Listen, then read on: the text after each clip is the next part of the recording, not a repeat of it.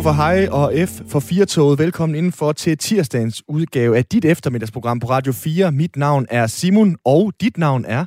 Simon? Ja, det bliver så godt det her. Det er sådan et øh, hollandsk øh, neopunk-band. Simon Simon. Ja. For nemhedens skyld kan man også bare sige Smitterbrix. Ja, er det ikke det, vi gør? Jeg kommer nok til at kalde dig Smidt. Det må du meget gerne. de næste to timer. Så må du selv bestemme, hvad du kalder mig. Jeg overvejer det lige. Er, er, du, er du sådan en type, der synes, det er ej, hvor spændende, du hedder det samme som øh, mig. Jeg kan huske, dengang jeg gik i folkeskole, der havde jeg en kammerat, der hed Simon. Jeg brugte hans navn hele tiden til bare at råbe det, så snart han stod i den anden ende af skolegården. Det var nærmest pinligt. Min mor har altid fortalt mig, at da de vælger mit navn, der er der mange, der siger, Simon, det kan man ikke kalde et barn. Jeg er fra 90. Øh, så hun gik ud fra, at jeg ikke vil få nogle navnebrødre, så at sige. Mm. Og da jeg så starter til, til fodbold i Silkeborg IF, der er der fem på mit fodboldhold, der hedder Simon, og det er jo syvmands.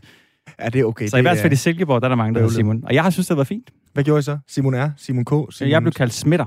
Smitter, okay. Smitter, ja. Ja, oplagt. Oplagt. Ja. Simon, vi har øh, to gange 55 minutters radio klar til øh, lytterne. Alene i den første time, der skal vi øh, snakke i radioen om aviser. Vores, øh, er det en konkurrent? Skal vi kalde det det? Det er da en konkurrent. Ja, er det ikke det? Der er nemlig en øh, dansk avis, der har vundet prisen for verdens smukkeste avis. Så det er frem med klaphatten og nærmest også champagne, og så skal vi tale øh, om det. Og øh, så skal vi også runde øh, datoen i dag, 4. maj. Sætter du lys i vinduerne? Nej. Nej. Det gør jeg ikke. Det Burde gør... jeg gøre det? Ja. Ja? så gør jeg det i aften. Okay. Burde de gøre det på Bornholm? Måske. Svært spørgsmål. Det øh, runder vi, fordi øh, i år, 2021, der er det 75-året for øh, Bornholms befrielse. Det var jo sådan, de tog jo lige 11 måneder under øh, sovjetisk besættelse, mm. efter at øh, alle vi andre, vi blev frie. Og hvordan sætter det sig på Klippeøen? Det tager vi en snak med en museumsinspektør på øen om. Så skal vi runde nogle hjemløse, og så skal vi slutte af med at tage en tur til månen, uden at øh, ødelægge den. Jeg tænker, det bredt repertoire, vi øh, tager øh, fat i, Simon. Du skal stå her i øh, radioen med mig i dag og resten af ugen. Det er du, mig meget Hvor rusten til. er du?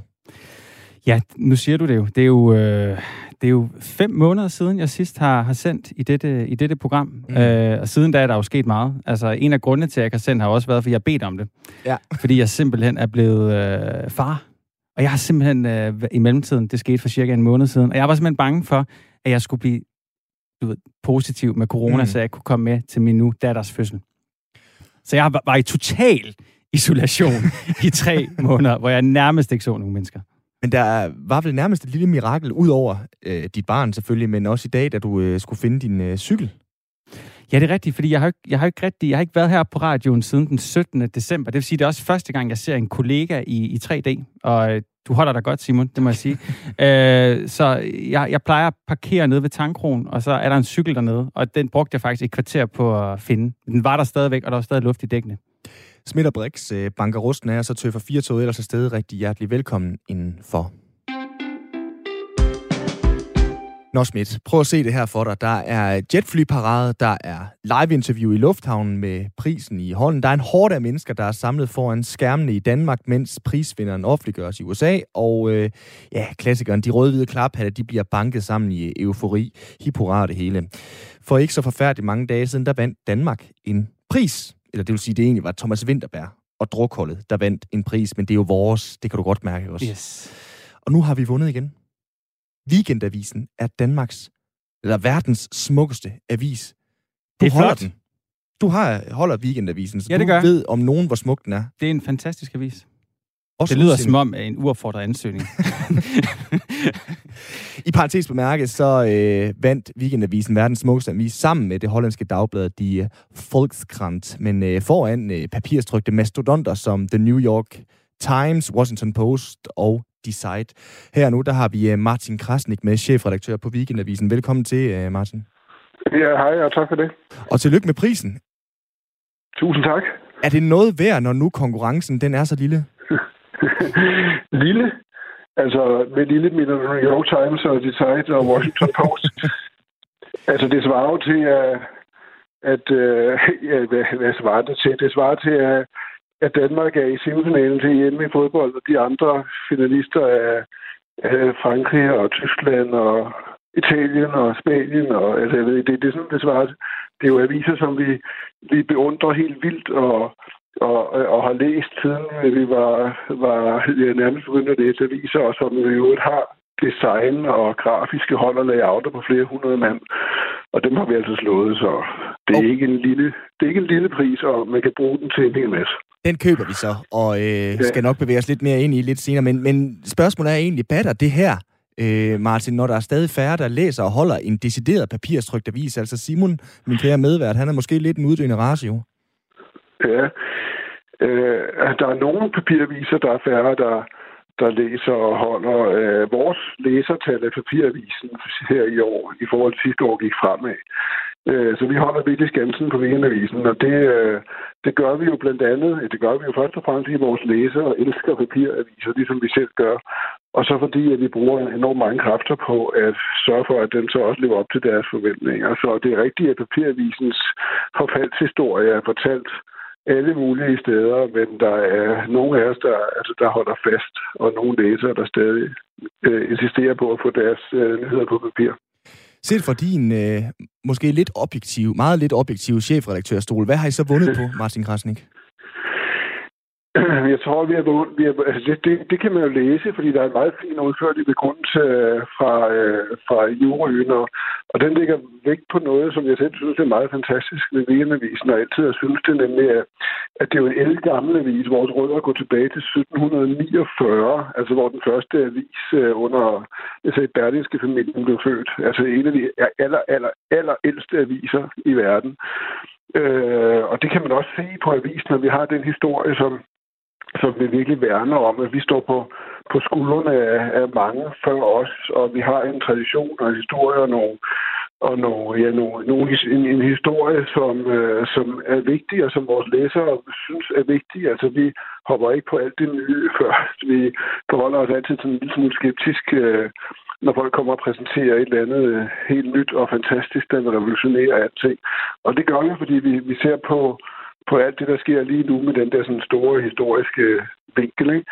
Og så samtidig, øh, så, så sørger vi for at, at, øh, at, at finde på alle mulige ting, som udtrykker, at vi faktisk lever lige præcis nu og her, og vores journalister er, er forankret i den tid, vi er i lige nu. Det er nogle stærke personligheder, som, som virkelig markerer sig i avisen. Og kombinationen af, af den der historie og så den Altså, altså den der sådan øhm, humoristiske, lidt quirky, ekscentriske tilgang, øh, det er den balance, som vi har vundet på, og det er også den, der kommer til udtryk i vores design. Altså, det ligner virkelig en gammel papiravis med nogle meget, meget, meget traditionelle og stolte, øh, meget, meget fine udslag. Altså for eksempel den, øh, at vi ikke gået ned i format, som alle andre aviser. Tværtimod gik vi op i format, så vi udkommer i broadsheet med kultursektionen igen nu her.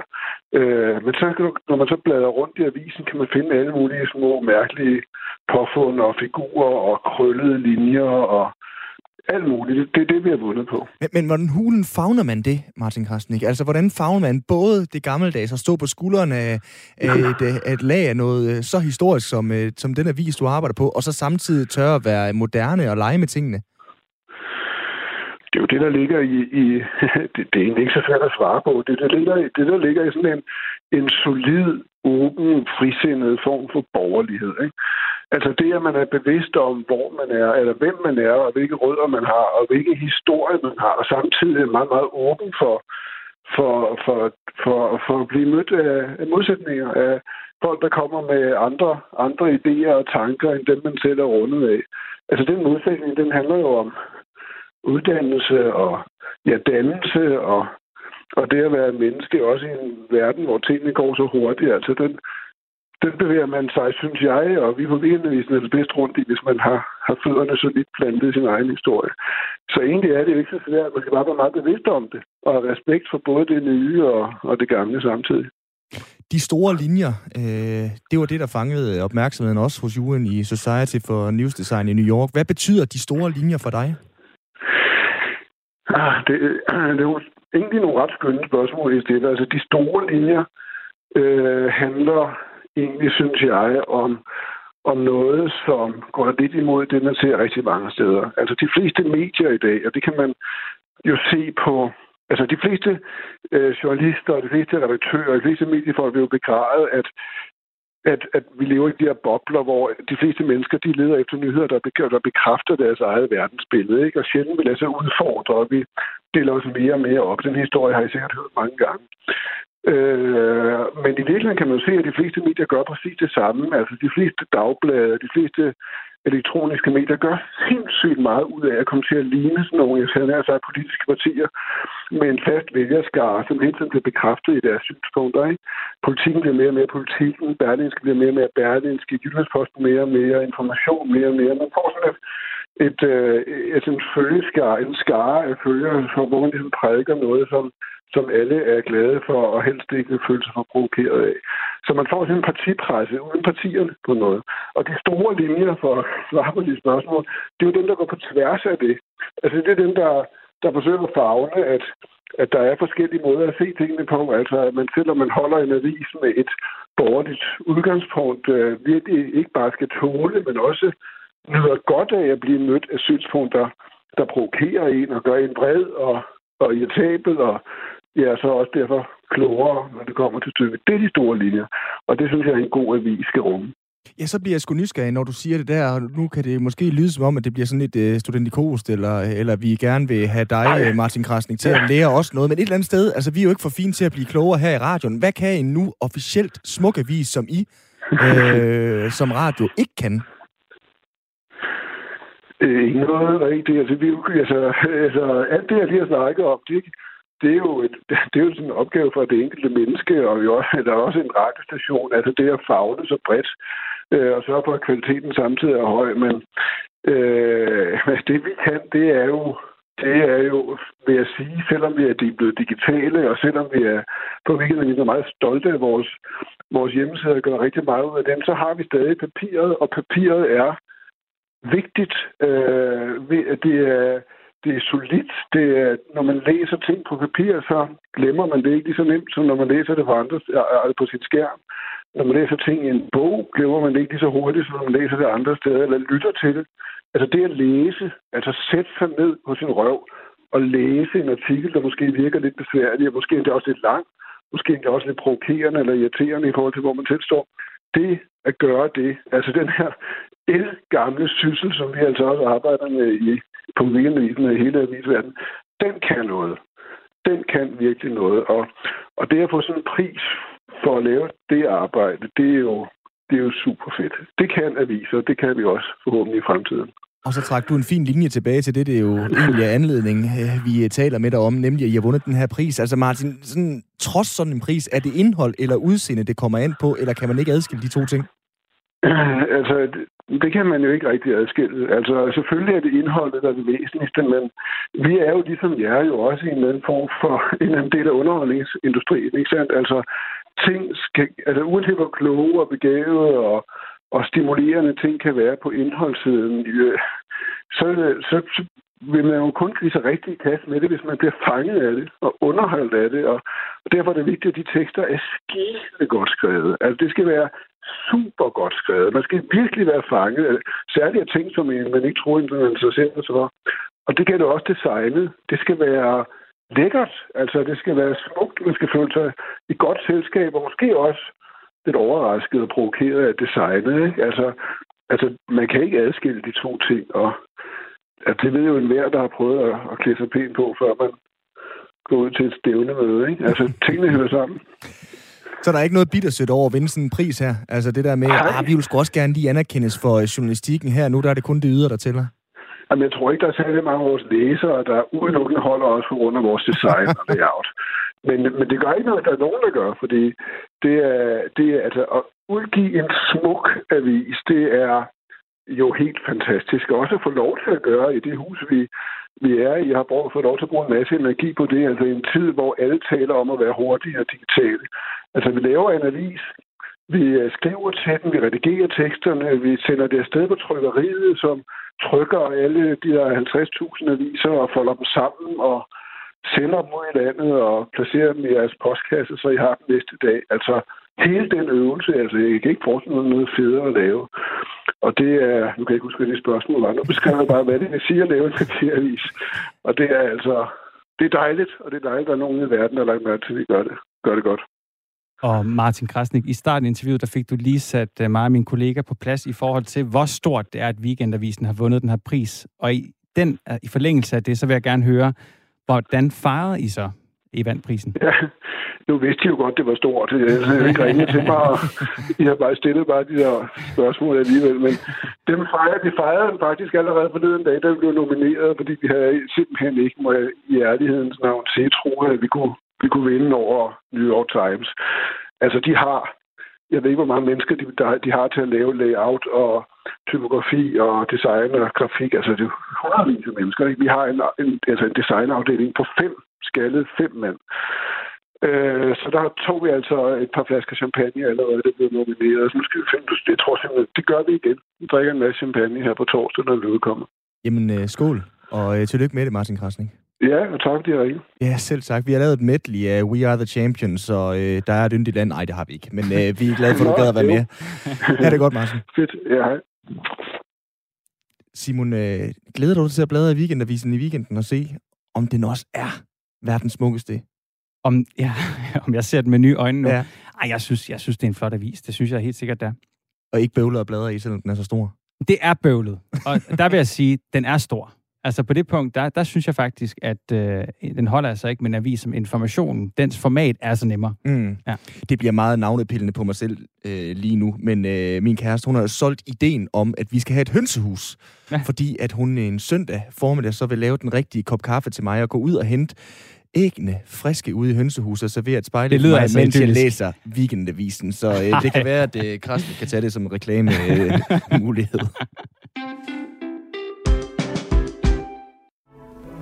Her er London. BBC sender til Danmark.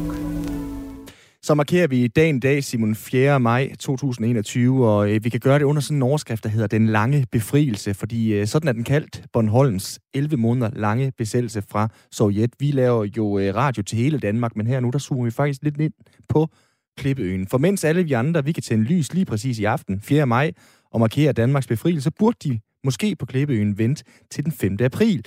I år der var det 75 år siden, at russerne de stoppede den besættelse, de øh, selv egentlig kaldte en tilstedeværelse, men øh, måske kunne Bornholmerne i dag lige så godt være en lille øh, russisk enklave som øh, Kaliningrad. Her nu, der øh, kan vi byde velkommen til dig, Jakob Seup. Velkommen til. Tak. Du er øh, museumsinspektør og øh, Ph.D. på øh, Bornholms Museum, og øh, du skal altså være med til at snakke øh, Danmarks befrielse, men Bornholm-versionen. Har I overhovedet noget at fejre i dag på Bornholm? Ja, men det tror jeg da bestemt, man kan sige, at vi har. Altså øh, øh, ophøret af 2. verdenskrig markeret jo i, i, i Vesteuropa i hvert fald slutningen på et øh, fascistisk øh, voldsregime, som, som, øh, som jeg synes, at vi alle sammen skal være glade for, at, at det øh, hørte op. Øh, og det synes jeg godt, at man kan, kan fejre øh, og sætte lys i vinduet den, den 4. maj om aftenen. Øh, men men øh, dermed er ikke sagt, at, at den historie er, er, er helt lige så enkel på, øh, på Bornholm, fordi der, der var man ganske vist øh, meget, eller lige så glade øh, for, for øh, frihedsbudskabet der den, den 4. maj om aftenen, øh, som man var i Aalborg og Odense og København. Men det gik jo så op for Bornholmerne der de følgende par dage, at tyskerne altså ikke havde tænkt sig at overgive sig til øh, de sovjetiske øh, styrker. Og øh, englænderne, de havde altså ikke lige fået, fået klappet af med, med russerne, hvordan og hvorledes det skulle være med lige Bornholm. Så øh, da øh, russerne faktisk bliver mødt med antiluftskyt, da de begynder at, at, at nærme sig øh, Bornholm, så, øh, så svarer de altså igen med øh, bombardementer af, af Næksø og, og Rønne den 7. og, og 8. maj.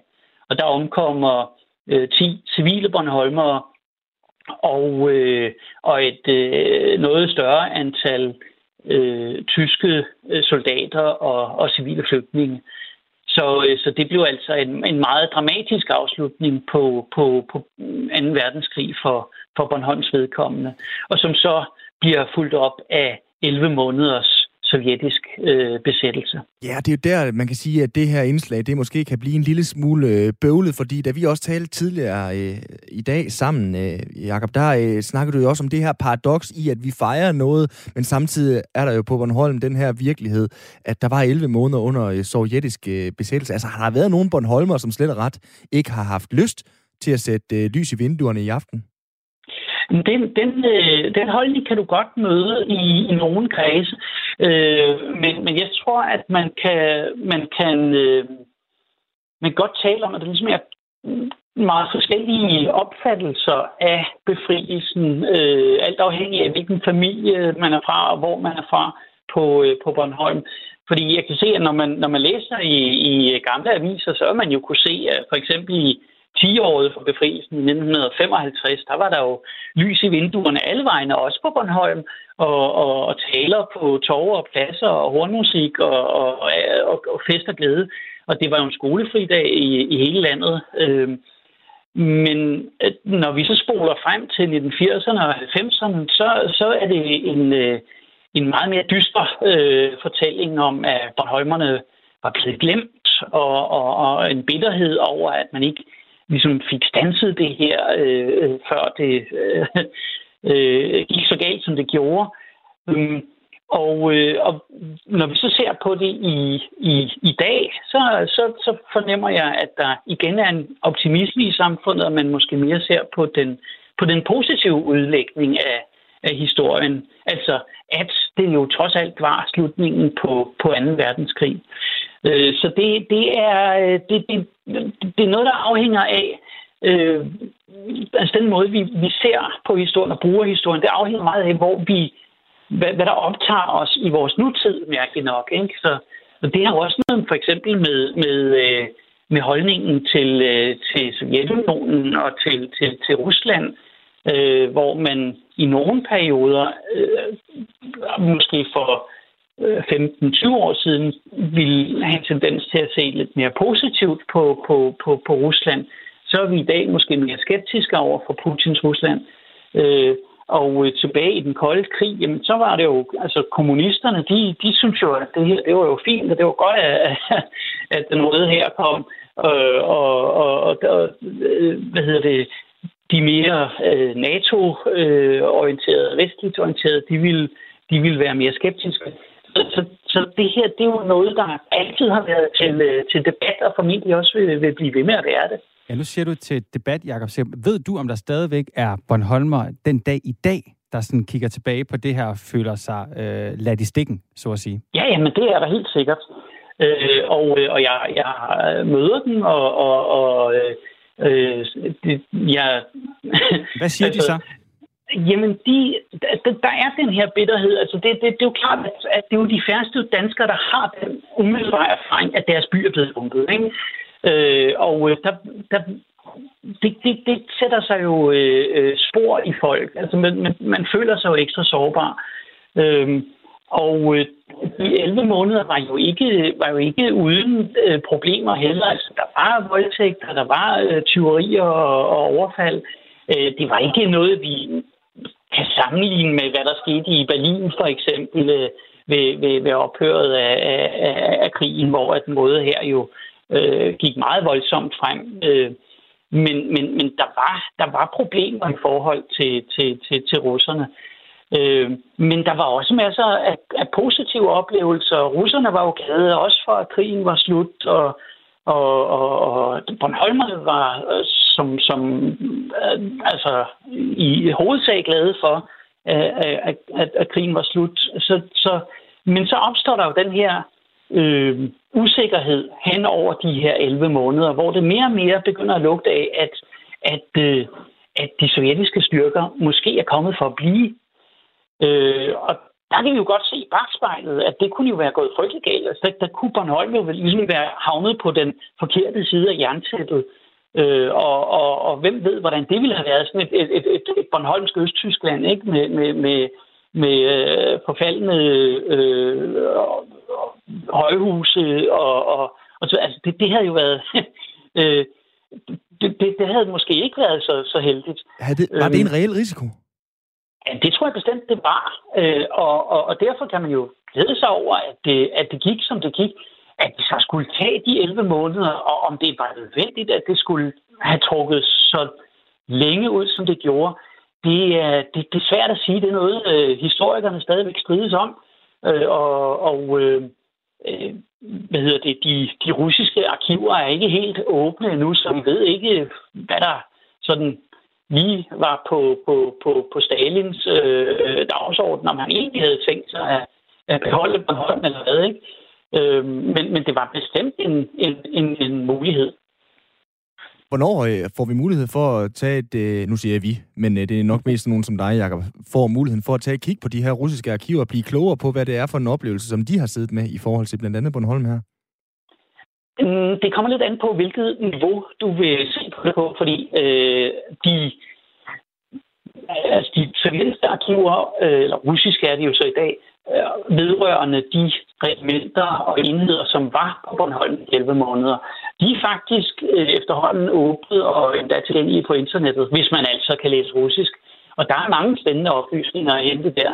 Mens øh, når vi når op på det højere niveau, altså hvad, hvad, hvad, hvad tænkte og, mente man i, og planlagde man i, øh, i Kreml øh, og i Udenrigsministeriet og så, så er det sagt mere lukket, og øh, der er Putins Rusland bestemt ikke for at, at åbne op.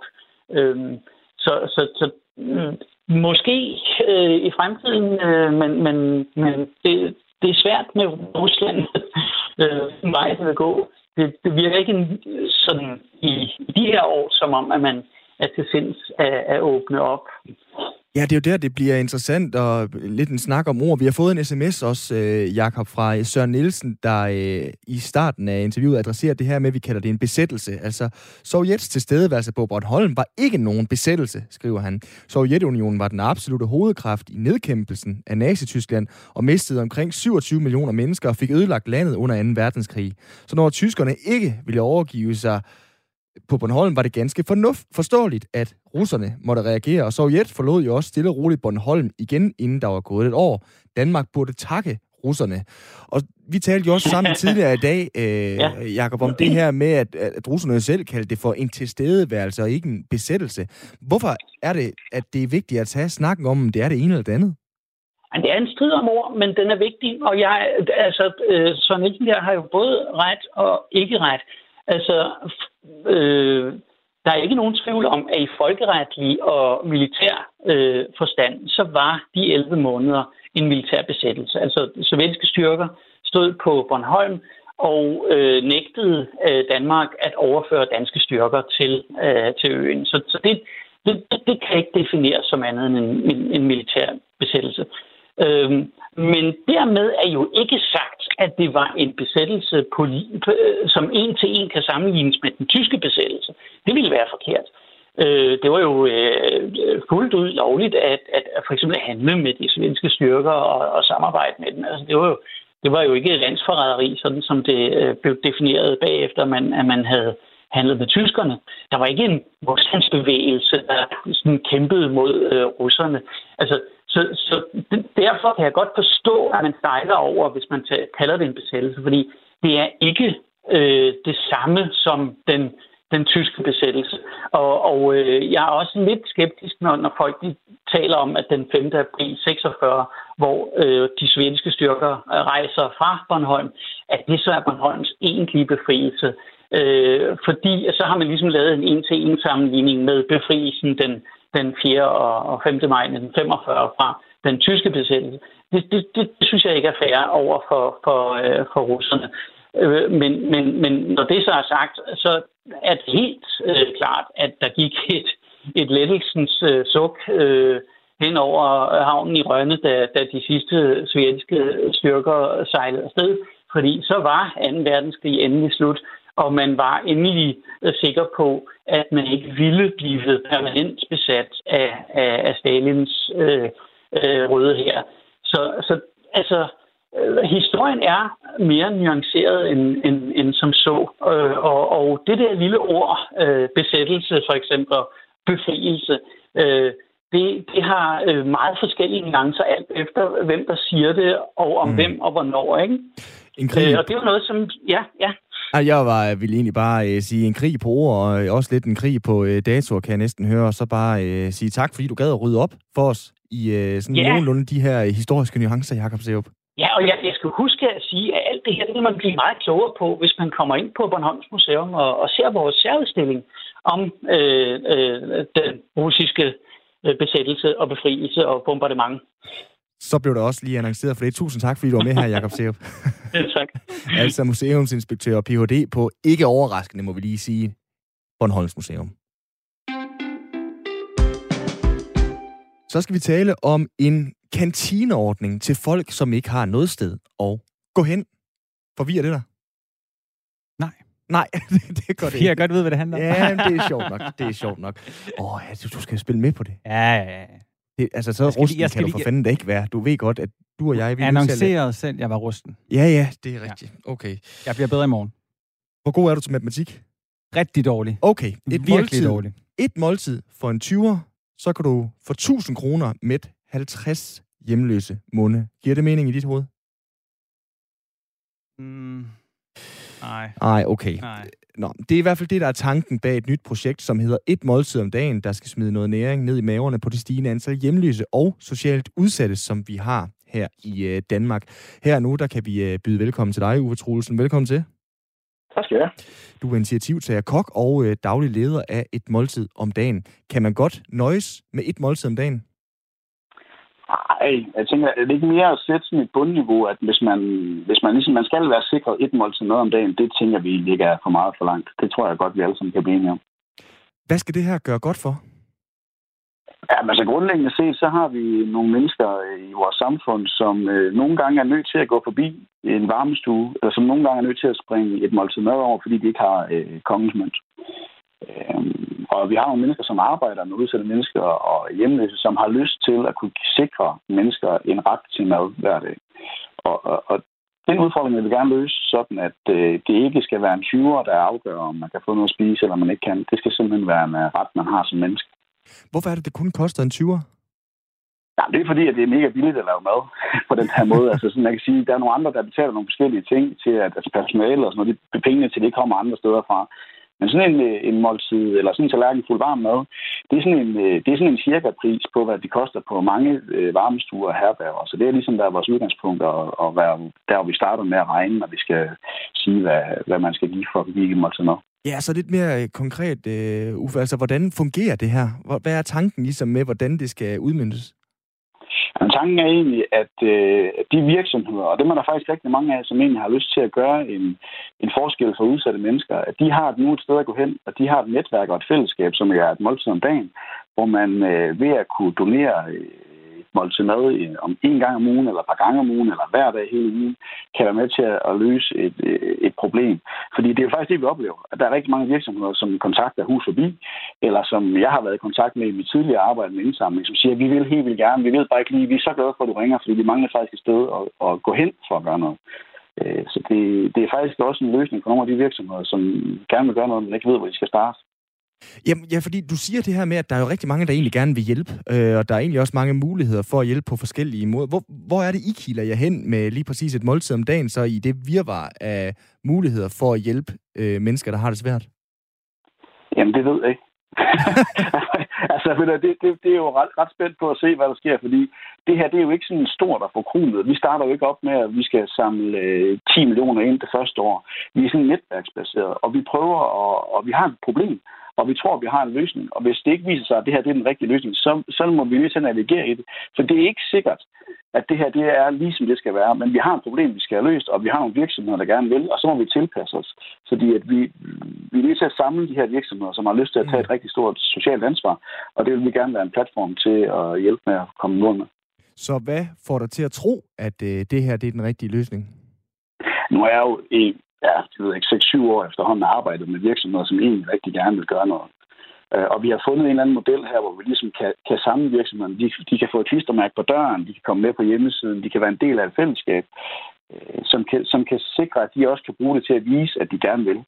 Øh, og så har vi gjort det enkelt og, og løbende, sådan at man hele tiden som virksomhed øh, Øh, ved, hvad man får for pengene, og man kan se, hvad de går til, og det er nemt for de her hvad skal man sige, varmestuer at finde ud af, hvad, hvor mange penge har vi, og hvad kan vi egentlig bruge dem til. For det er jo egentlig det, der er hovedsagen. Det er, at når vi kommer ud til de her varmestuer, herberger og hvad vi har, øh, så er det dem, der afgør, hvad pengene skal bruges til, og hvad de har lyst til, at pengene skal bruges til, så vi sikrer, at de penge, der går direkte fra virksomheden, de kommer ud til de her varmestuer og herberger, hvor der virkelig er stort behov for øh, en ekstra skilling.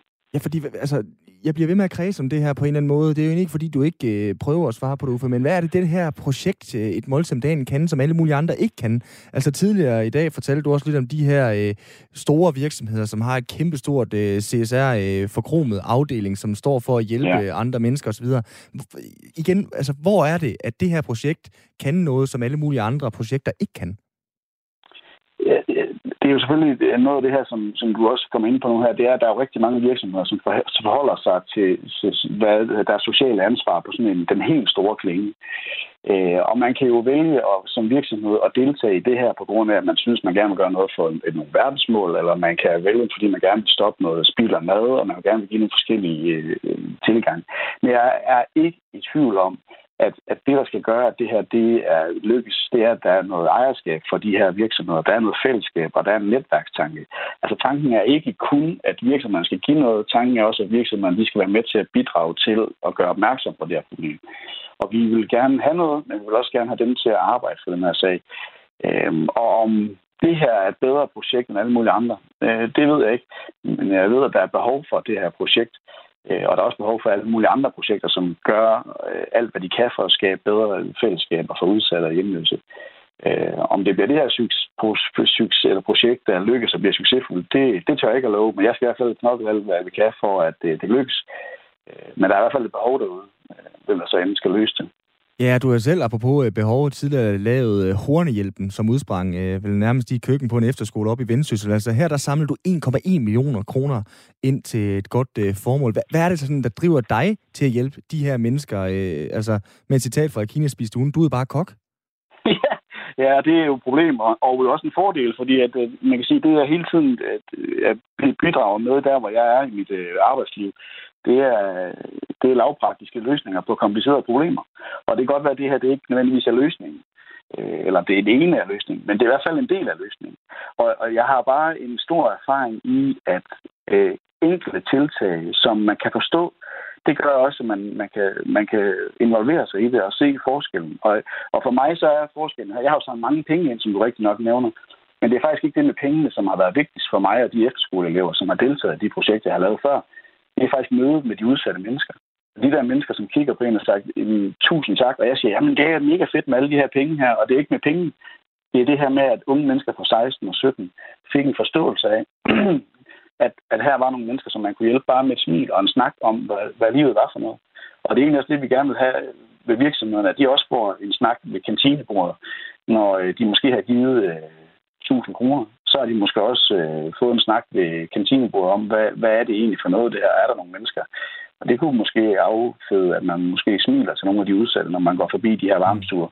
Fordi det er jo nok i virkeligheden smilet og fællesskabet. Og det at føle at være en del af fællesskabet, som vi jo rigtig gerne vil prikke lidt til med det her projekt. Men Uffe, her til allersidst, jeg er nødt til alligevel at spørge, altså synes du, at du her, helt ærligt, det er ikke ret dansk at øh, turde stå ved det, men synes du, at du sidder på et Columbus æg? Altså, synes du, at du sidder på en øh, løsning, konkret løsning, på noget, som mange betragter som et svært problem? Ja. Altså, det, det, det er jo helt enkelt. Hvis du som virksomhed er partner og giver 1040 kroner, og det giver en måltid mad hver mandag, så vil du sikre, at et menneske 52 gange ikke skal gå forbi en varmestue og ikke at kunne gå ind og få et måltid mad.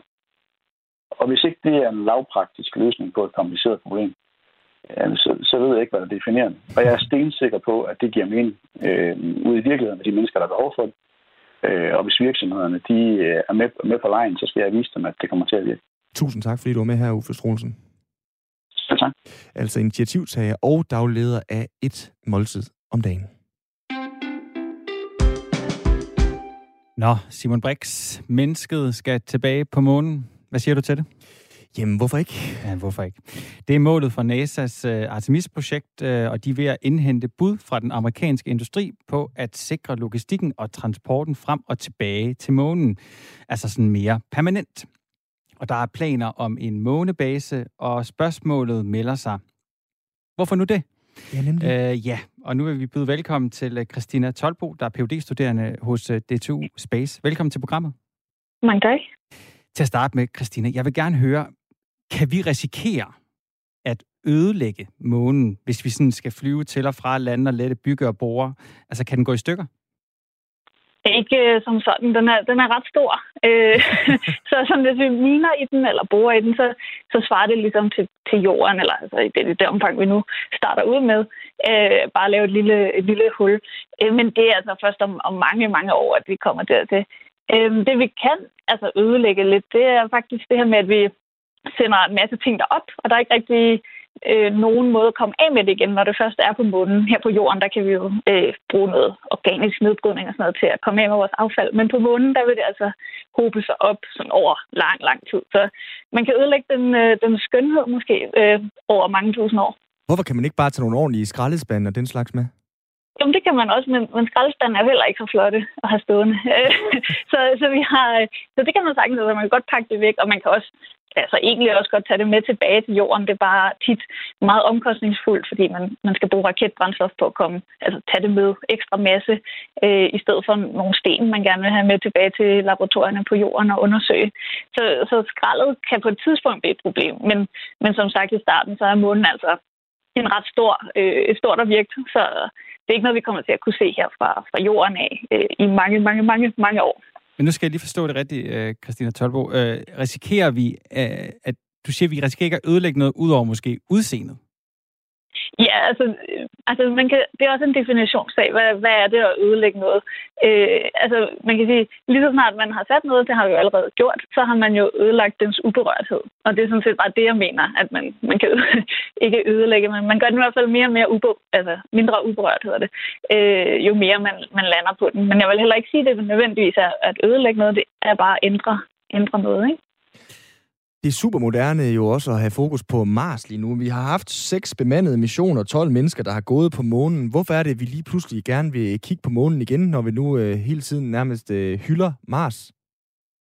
Jamen, altså, der, der er sådan hovedsageligt tre grunde, øh, og som du også selv nævner, så er en af dem Mars. Øh, et af hovedformålene med Artemis-projektet er at vende tilbage i mere permanent fasong. Altså første gang, at de første seks landinger var relativt korte, også øh, for 50 år siden næsten efterhånden. Så, så det, man gerne vil øve sig i nu, det er længere ophold på overfladen og mere udforskning og en mere permanent infrastruktur, hvor man kan rejse tit eller relativt tit frem og tilbage mellem månen og jorden.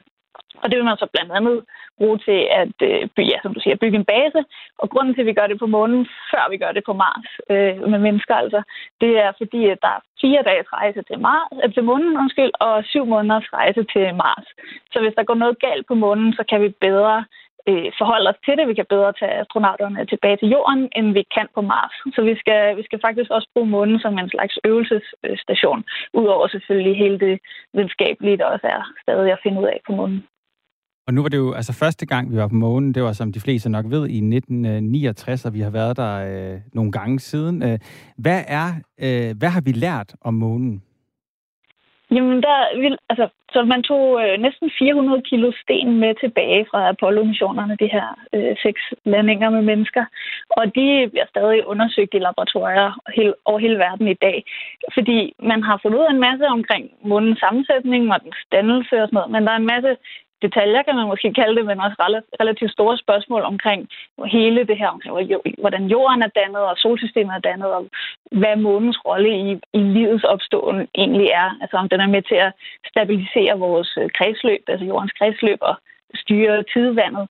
Og i virkeligheden om månen måske er den brik, som man skal bruge for at få liv. Um, så der er masser af ting, vi stadig ikke øh, forstår, hvor det vil være rigtig godt at komme tilbage til månen og tage flere prøver, og også som du nævner, der var 12 mænd, der gik på månen, øh, men den, e- det var kun en, der var videnskabsmænd. De alle sammen var militærfolk. Så det, det kunne også være spændende at sende nogle lidt forskellige fag øh, tilbage til månen, der kan, kan anskue tingene fra forskellige vinkler. Ja, fordi for hunden, Christina, altså videnskabsfolk, de ligger jo nærmest i jorden. Det er jo kloge mennesker. Altså, hvorfor er det, de ikke bare kan blive på jorden, frem for at tage fire dages øh, rejse med en G-påvirkning, der får dem til at kaste op i et øh, øh, rumskib, og bare kan sidde på jorden og lave simulationer og finde ud af, hvad der er op og ned på månen. Hvorfor er det, de skal derop og rende rundt? Øh, jamen, det er fordi, at videnskab, det går også ud på, at man skal, man skal forudse, hvad der vil ske, og prøve at komme med nogle hypoteser, men det ligger også meget fundamentalt i videnskaben, at man skal lave eksperimenter og efterprøve sine ting. Og så kan øh, laboratorieforsøg og simulationer kun nå et vist stykke. Altså, vi bliver også nødt, nødt til at se, om det så er rigtigt, det vi har tænkt over de sidste 50 år. øhm, og så er der altså også det her med, at et af de store eksperimenter er mennesket selv. Øh, altså, hvad sker der med vores krop, når vi er i rummet, især på månen, hvor vi bliver udsat for en større for, for mere stråling, fordi vi ikke længere er beskyttet af vores magnetfelt, ligesom vi er på jorden. Øh, så vi kan sige, at vi er også selv eksperimentet, og det kan vi ikke øh, simulere uden at tage derhen. Men ved vi, hvad der sker med, med menneskekroppen? Der er jo nogen, der har været deroppe. Ja, men altså det er så det. Øh, vi har øvet os i at være mennesker i rummet. I cirka 21 år har der været mennesker permanent på den internationale rumstation. Men, men den station, der befinder sig 400 km over jordens overflade, sådan cirka. Og, øh, og der er vi altså stadig relativt beskyttet fra for eksempel stråling, og vi har ingen tyngdekraft, eller vi har zero G. På månen der har vi en reduceret tyngdekraft, altså hvor vi føler os lettere, og vi har forøget stråling. Så det er lidt det samme, men ikke helt det samme. Og så skal vi altså også øve os i det her med logistik, altså hvordan får vi føde, og hvad, hvad for nogle instrumenter skal vi have med til at lave ild, og skal vi bruge solceller, eller hvad, hvad gør vi egentlig, når vi bygger sådan en base ud på en anden overflade, i stedet for et kredsløb. Øhm, så, så ja, altså vi, vi, øh, vi bliver simpelthen nødt til at komme derud for at se, hvad der egentlig sker på lang sigt. Altså, på rumstationen, så sker der det, at vores krop, den har det ikke så godt med at være der. Øh, så vi har ikke været på rumstationen i over et år, eller lige over et år, kan man godt klare, øh, i rummet. Men vi vil gerne prøve at være der længere og længere tid ad gangen. Hvad tror vi øh, bliver anderledes, når man flytter en menneskekrop fra en øh, rumstation 400 km over jorden til øh, månen, der ligger fire dages rejse væk? Altså, udover sådan helt fysiologisk, hvad der sker i forhold til, øh, som jeg nævnte, stråling, som mm. bliver øget, øh, så, så tror jeg også, der sker noget psykologisk. Øh, og det er jo igen også en forberedelse til Mars. Altså det her med fra månen, der kan man altså se hele jorden øh, som en kugle på himlen. Og i kredsløb om jorden, der ser man jordens krumning, og så man, man ser stadig sådan, altså, øh, man, man er ikke så langt væk endda. Man kan se ned på jorden, hvis man kan sige det sådan. Her der kan man altså virkelig se alle mennesker, der nogensinde, øh, eller der eksisterer i øjeblikket, på den samme kugle. Så jeg tror også, at der er noget i det, at, øh, at finde ud af, hvordan fungerer mennesker på en base, øh, hvordan arbejder vi sammen på tværs af kulturer og øh, forskellige sprog og sådan noget, når vi skal bygge en, noget infrastruktur på, på en anden overflade. Christine Tolbro, øh, tusind tak, fordi du var med her. Det var så lidt. Altså phd studerende fra øh, DTU øh, Space, som kommenterede på øh, NASA's Artemis-projekt og målet om at få mennesker tilbage på månen, og så har vi ikke engang åbnet ladeporten, Smidt, for konspirationsteorier. Nej. og her skal vi lige tjekke, om der er kommet en sms på nogen, som tror, vi ikke har været på månen. Der er en fra Ulrik, der siger, at det ville da være bedre at tage atomaffald med til månen, end at slæbe affald med tilbage til jorden. Månen hænger der jo bare, og vi kan ikke se det herfra. Det, var han. det er selvfølgelig også input, det kunne vi have taget med til. Så er der en, der endda også har skrevet, at øh, jeg skal sørge for at få fat i et færdiglavet hønsehus. De ser flotte ud på... Øh, nej, køb ikke et færdiglavet hønsehus. De ser flot ud på hjemmesiden, men det er det ringeste lort, og kan lave selv dobbelt så stort for samme pris af forskallingsbrædder. Bare lige en info fra... Øh, Ulrik, det er klasse, at ja. der er lige nogen, der byder ind på øh, hønsehus er du, øh, er, du, er du god med fingrene? Nej, det er jeg virkelig ikke. Det bliver dit projekt. Det skal øh, du lære. Jeg gider faktisk ikke rigtig være god med fingrene. Jeg hader ting, jeg er... Du skal være husejer. Ja, og. det, min kæreste kan rigtig godt lide at døje med sådan noget. Ja. Altså, jeg er typen, der hader ting, jeg er dårlig til. Så derfor er jeg ret dårlig til at gå i gang med nye ting. Okay. Hvad er så arbejdsfordelingen hjemme hos jer? Laver du maden så? Øh, ja, hvis det er noget, Nej. jeg er god til at lave. hvis det er noget, jeg er god til at lave. Hvis det er noget, jeg lavet 10 gange før. Jeg laver de samme retter. Ja. Jeg har sådan en lille potpourri. Okay. Som jeg, Hvad er hofretten? Øh, laver en killer lasagne. Ja. Det gør jeg virkelig. Classic. Ja, virkelig godt. Så derfor laver jeg også en rigtig god bolognese. Ja. Det er øh, primært det. Jeg kan se, at øh, der tækker en lille nyhed ind, at øh, til de sportsinteresserede, at Mourinho er ny cheftræner i Roma. Okay. Så han fortsætter bare, den mand. Ja, det må vi sige. Ja. Hvor lang tid tror du, han får der? Halvt år. Ja, ikke også? jeg, tænker, jeg tænker ikke, det bliver meget længere. At, at de sidste to dage, der har han været sådan relativt øh, skizofren fra at sige, at han skulle have en lang pause, til at sige, at han skulle have en kort pause og var klar til at træne igen. Men det er det fede ved at være toptræner i, i fodbold og tjene rigtig mange penge om måneden, det er jo det der med, at, at når man først er inde, så kan ja. man blive fyret nok så mange gange, men du skal nok få et nyt job. Ja, lige præcis. Lige præcis. Der nu kan han da lige få lov til at være ekspert under øh, EM-slutrunden til sommer, så kan han gå i gang derefter. Ja. Så ja, det er sgu fint. Vi skal runde et dødsfald. Ja. Øh, den selverklærede heks gennem over 40 år, den i Druehyld, hun er død. 73 år gammel. Kan du huske hende? Ja, det kan jeg. Det kan du for godt. Det kan jeg virkelig godt. Jamen, det er da en virkelig sørgelig nyhed. Det har jeg slet ikke hørt. Nej. Altså, øh, jeg, jeg prøvede faktisk at få hende... Øh, der var en hekseudstilling, øh, tror jeg, for et års tid siden, måske lidt mere. Der prøvede jeg faktisk at få hende med i vores program. Og der hmm. fik jeg et, øh, et autosvar på, på mail fra heksen. Okay. Øh, om, at, øh, at hun lå syg. Ja. Øh, og jeg tror, hun skrev med influenza. Okay. Ja. Men det er lang tid siden, så jeg tænker ja. ikke nødvendigvis, det er, det er forbundet. Nej, fordi hun har været syg de sidste ja. øh, par år af en øh, form for øh, cancer, har jeg læst Men det er vel Danmarks mest kendte heks? Jamen, det, er det, det, det, det, tør også sige. Danmarks eneste sådan reelle heks? Jeg tror, der er flere. Er det det? Ja, det undersøger vi til en anden gang. Hun har øh, det borgerlige navn Marie Danny Joyce Vestergaard Olsen. Mm. Og hun har boet i øh, Roldskov. Jeg har aldrig stødt på hende dog. Altså, nu er jeg nordjyd. Altså, jeg har selvfølgelig heller ikke... Øh, ligesom let efter hende for 11 år. Hun udgav Heksens håndbog i 87, og har øh, siden da... Øh... Din, din yndlingsbog? Ja, lige præcis. den er, jeg skal lige have fundet den frem igen, er øh, nødt til, men øh, nu er hun altså ikke mere. Det er kæft et liv, altså Simon. Hun var aktiv i ungdomsoprøret, kvindebevægelsen, en af grundlæggerne af kvindehøjskolen, flere krisecenter og oh, wow. Femølejren, klimaaktivist også, og så altså hekst. Havde heksens værksted i Rebelcenter tæt ved Rebel Bakker. Det er mm. saftsus med øh, noget af en... Øh, et CV, hun kan fremvise. Det må man sige. Jeg tænkte, da jeg lige skulle sådan i gang med at læse lidt om hende, der, der øh, røg jeg ind forbi Spademands leksikon. Ikke Lademands leksikon, men Spademands leksikon. Yes. For lige at læse lidt op øh, på hende. Og det var bare lidt sjovt. Vil du høre? Jeg vil meget gerne høre. Danny Druhyld, født i en dårkiste af en heks, en troldkælling, en mørkes kvinde, en satanselskerinde. En af de der personager, som man i fordoms storhed smed op på et bål, brændte ihjel og dermed sikrede en plads i skærsilden og på sigt måske også himmerige. Hvis man spørger Anne-Grethe Bjarbri, nej, det er så streget over, Danny Druhyld selv, så skete det ved, at øh, fortidens urkvinder og deres særligt kloge hoveder efterlod en masse magiske heksegener i hende men ikke i de mænd, der måtte findes på stamtræet. Og da Danny Druehyld en dag, da det var den tid på måneden, det er så også streget ud, fuldmåne, trådte ind i en magisk verden med elverfolk, trolde, nisser, bevægelige træer og alle de andre ting fra Ringenes Herre, ja, så så hun tingene i den rette sammenhæng. Føler du, at du blev klogere på hende nu? Mm, bestemt.